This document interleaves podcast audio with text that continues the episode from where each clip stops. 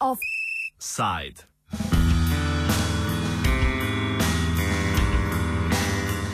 Panevropsko vprašanje. Kdo je ekstremist in kako z njim ravnati?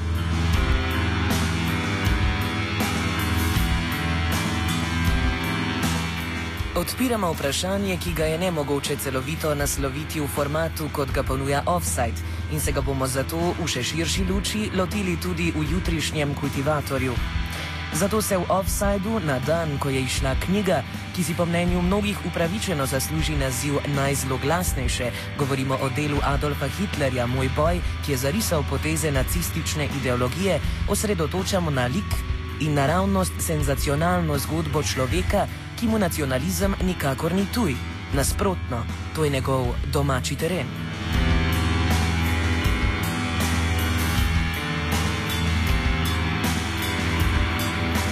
Govorimo o norveškem skrajno desnem ekstremistu in black metalskem glasbenem ustvarjalcu Vargu Vikernesu, ki se je celotnemu svetu predstavil kot neusmiljeno brutalni in fanatični mladostnik, ki je bil spoznan za krivega umora svojega glasbenega kolega in več požigov norveških crkva. Oblasti so ga obsodile na maksimalno zaporno kazen 21 let, v zaporu pa jih je preživel nekje 15.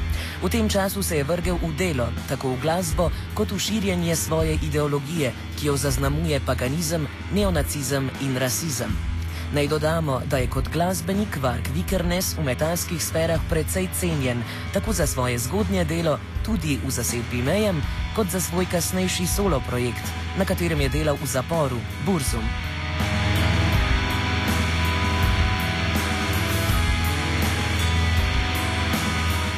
Vark Vikernes ima tri otroke in se je svojo ženo po izpustu iz zapora preselil v Francijo, kjer pa njegov lik znova zbuja bojazni. Preden pa se podamo v nedavne dogodke, poskušajmo natančneje razumeti ozadje, ki je privedlo do današnje situacije in naše naslavljanje njegove zgodbe in širše evropske situacije v vezi z ekstremizmom. Pogovarjamo se s poznavalcem black metala Davorinom Lenkom. Ta nam pove, ja, kdo je za Burzum. Burzum je eden ključnih likov norveškega black metala, ki je svoje temeljna dela, mislim, da ustvaril v svojih poznih najstniških letih, temeljna dela za black metal. Uh, seveda pa kot v black metal, se okrog tega je bilo ogromno kontroverznosti, samomori, umori, potencijalni terorizem.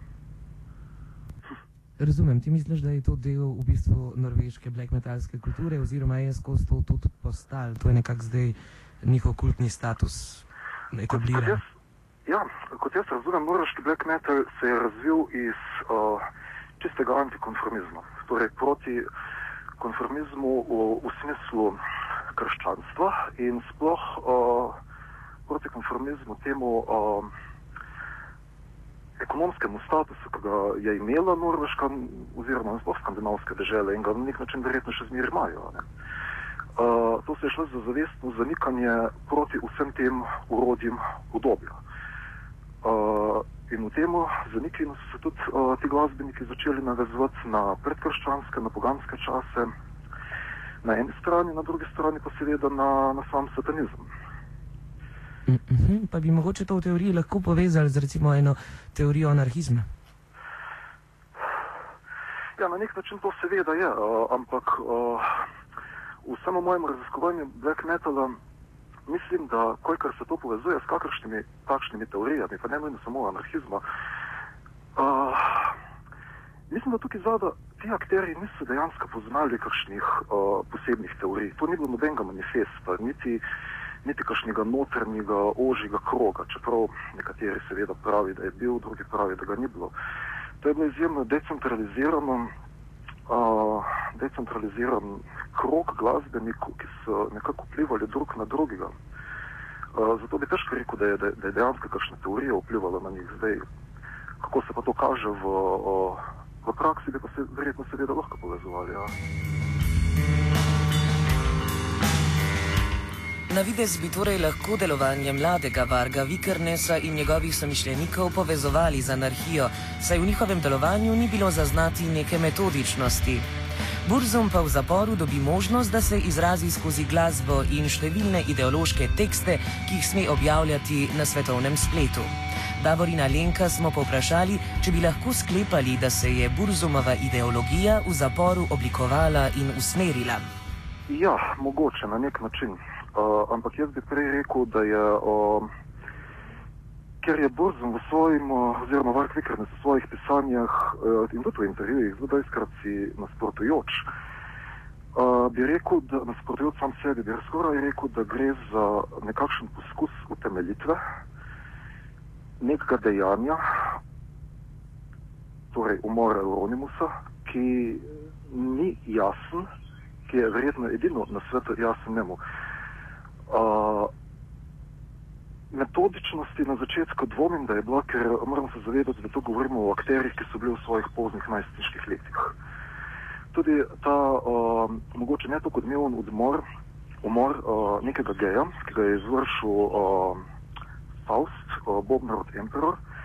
On je v svojih intervjujih uh, popolnoma jasno povedal, da, da je to, to, je, to je bila samo situacija. Situacija ga je naredila morilca. Zakaj? Kdo ve zakaj? Um, da, ne, ne bi govoril o kakšnih posebnih sistematičnostih, ne metodičnostih. Davorina smo opozorili, da se Burzumu vendarle pripisujejo oznake kot so neonacist, rasist, paganist in tako dalje. Seveda, sej, ta neonacizem je pri njem prisoten že od najzgodnejšega, njegovega najzgodnejšega udejstvovanja. Uh, čeprav recimo je pa zanimivo, da tega v sami glasbi ni toliko veliko, kot bi mogoče pričakovali glede na, glede na njegovo uh, politično pisanje.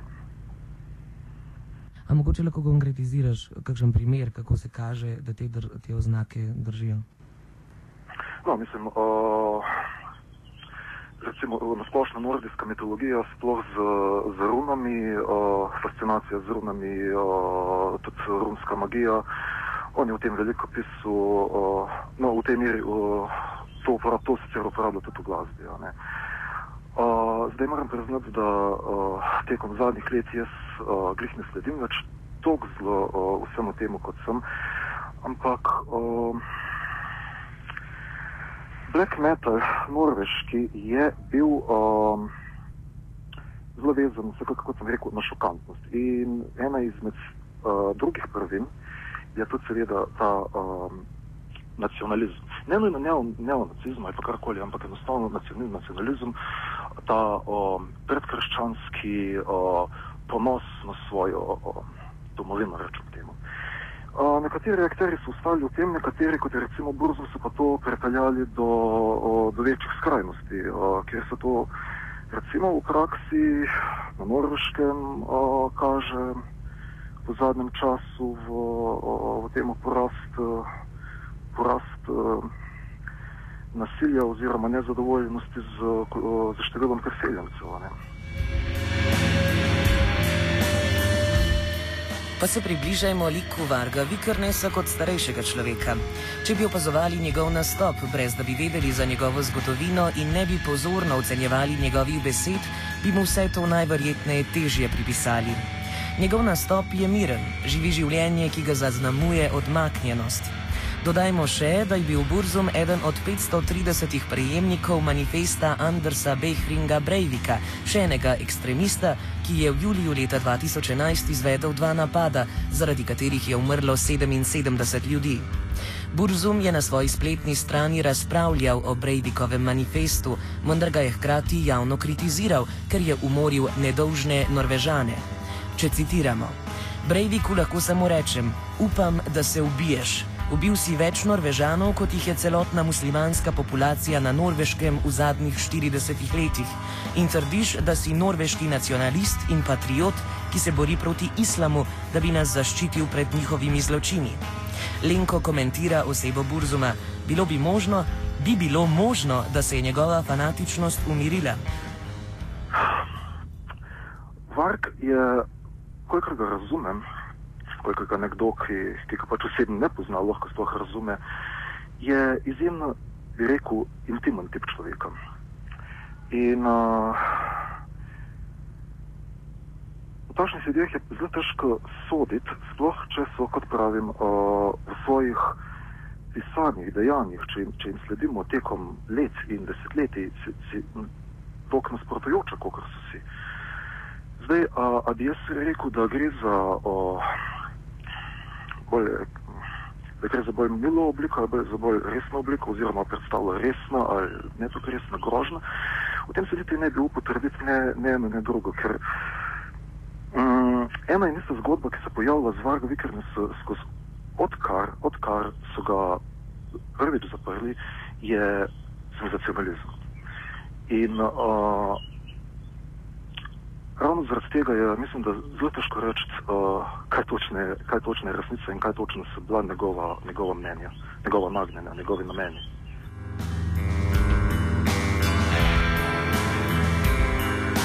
In smo prišli do dogodkov izpred dveh dni, ko je v svetu odjeknila novica, da je Varga Vikernesa in njegovo ženo v Franciji po štirih letih na prostosti prijela francoska policija, ker je osumljen, da ponovno načrtuje masakr. Policija ga je prijela potem, ko je njegova žena, ki poseduje dovoljenje za posedovanje orožja, kupila štiri puške.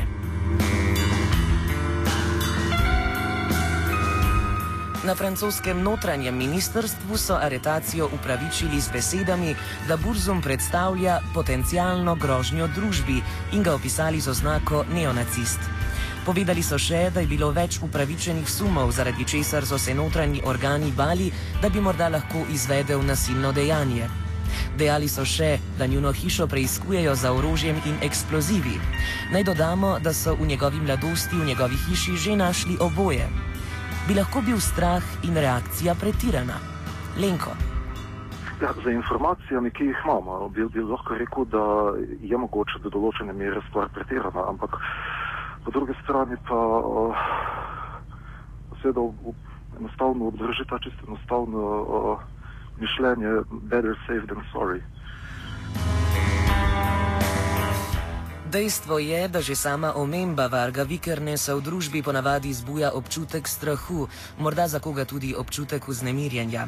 Z Davorinom Lenkom, ki je, ponovno opozarjamo, poznavalec black metala, teoretiziramo o možni situaciji, da bi se Burzum, ki sicer uživo ne koncertira, pojavil na koncertu, naprimer v Ljubljani. Mm, mislim, da kakršen koli koncert, ne nujno v Sloveniji, kjer, kjerkoli potencijalen live nastop Burzuma bi bil eden, um, eden ključnih, mislim, eden pomembnejših momentov v, v black metalu, ne, ker, ker to je, to je ne glede na vse dejanja, ali pa glede na nekaj, kar vzamemo, je, je, je to je njegova glasba, njegov lik, ne, celotna njegova mitološka figura, če, če smo iskreni, uh, je nekaj najpomembnejšega, kar se je zgodilo v black metalu. Brez, brez njega, brez njegove glasbe in brez njegovih dejanj, uh, black metal kot tak ne bi obstajal, ne norveški in potencialno ne, ne black metal, kot ga mi poznamo dan danes. Tako da seveda, ja, uh, to, to bi bil izjemen dogodek, po svoje izjemno kontroverzen. Ampak po drugi strani uh, je res takšna razlika med life nastopom takšnega človeka uh, oziroma tako kontroverzne mitološke osebe in med tem, da pač takšna oseba izda svoj glasbeni album oziroma da napiše nekaj sej, ki ga objavi na internetu. Sej, na vse zadnje je oboje samo, samo medij sporočanja. Ne? Tako torej, znanega ekstremista je policija v Franciji aretirala v preventivne namene, da ne bi storil česa strašnega. Kdo bi lahko rekel, da ni razloga, da posegajo v njegove človekove pravice, saj je odsedel svojo kazen in z izjemo kontinuiranega in internetnega širjenja svoje ideologije ne kaže znakov, da namerava storiti kakršnokoli nasilno dejanje. Županja mesta, v katerem živi z družino, je celo komentirala, da nikoli ni imela občutka, da bi storil kaj takega, temveč ga vidi kot navadnega človeka, ki rad nosi vojaška oblačila in posluša gothic glasbo komentira Branko Lobnikar, profesor na fakulteti za varnostne vede. Obratno lahko se vprašamo, če bi pa ta človek dejansko nekaj storil, bi čisto vsi ljudje na svetu govorili, pa se je policija morala vedeti, kakšen je ta človek, bil je obsojen, kuruje, pobijal je, seduje. Ne? Zakaj niso nič naredili? Ne? Kar pomeni, da je pravzaprav policija ne, v tem primeru na zelo, zelo trhlih nogah, zaradi tega, ker mora upoštevati po eni strani pravico do zasebnosti, tudi uh, to, da pač človek nič ni naredil, ne? hkrati pa mora zagotoviti tisto, kar je pravzaprav osnova delovanja vsake policije, kjerkoli v Sloveniji, na Hrvaškem ali v Franciji. Ne?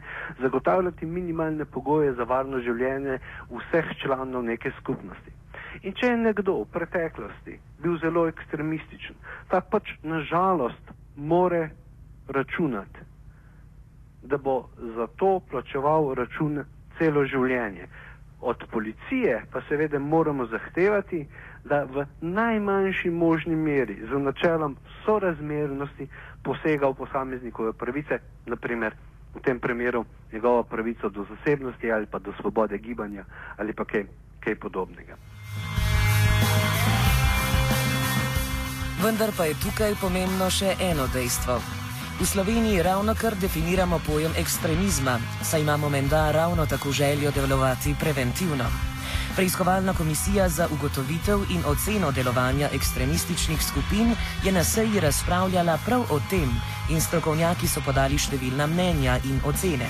Med drugim, da je ogroženost strani ekstremizma v Sloveniji nizka da je zaenkrat mogoče ekstremizem definirati zgolj kot odklonske pojave, ki niso družbeno sprejemljivi, ter najpomembneje, da je v Sloveniji okoli 150 skrajnežev.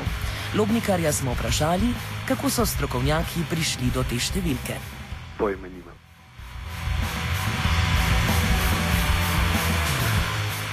Oceno je Ministrstvo za pravosodje pripisalo policiji, ki pa je to zanikala, ter podala stališče, da vsa prepovedana odklonska ravnanja obravnava brez razlike in ne glede na ideološko, versko in interesno konotacijo. Da je to res, priča naslednji primer aktivista, ki se opredeljuje takole. Ko stajam v bodočnost, nisem ne lev, ne desen, ne radikalen, ne ekstremist, sem le problem izraza kapitalizma. Ta aktivist je bil aretiran na eni izmed vseslovenskih ljudskih ustaj, ker je poskušal preprečiti aretacijo drugega aktivista. Kasneje pa je izvedel, da se je znašel med fotografijami potencialnih osumljencev v primeru poskusa posilstva. Kaj se mu je zgodilo?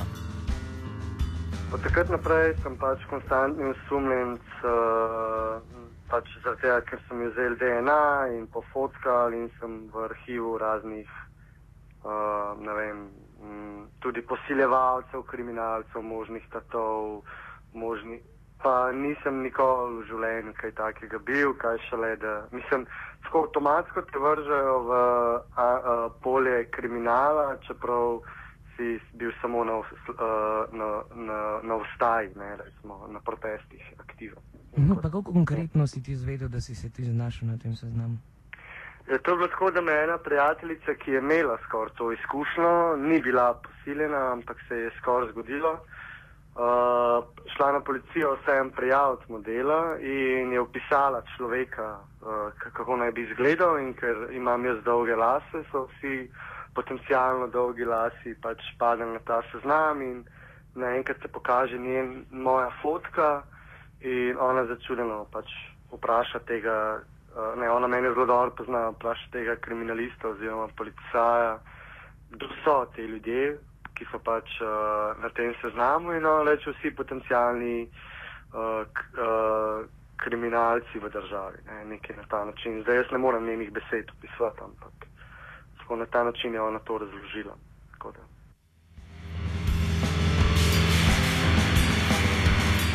Naj dodamo še, da se aktivistu zdi zanimivo, da je število skrajnežev, ki ga navaja Ministrstvo za pravosodje, ravno 150. Približno toliko je bilo namreč ljudi, ki jih je policija aretirala na vseh vseslovenskih ljudskih ustajah.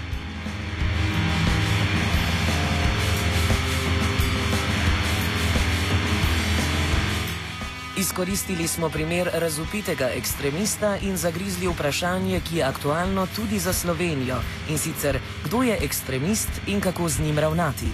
Nadaljne odgovore bomo iskali v jutrišnjem kultivatorju ob 17. Uvod van, tako zvani offside, pa sva pripravila Tadej in Polona.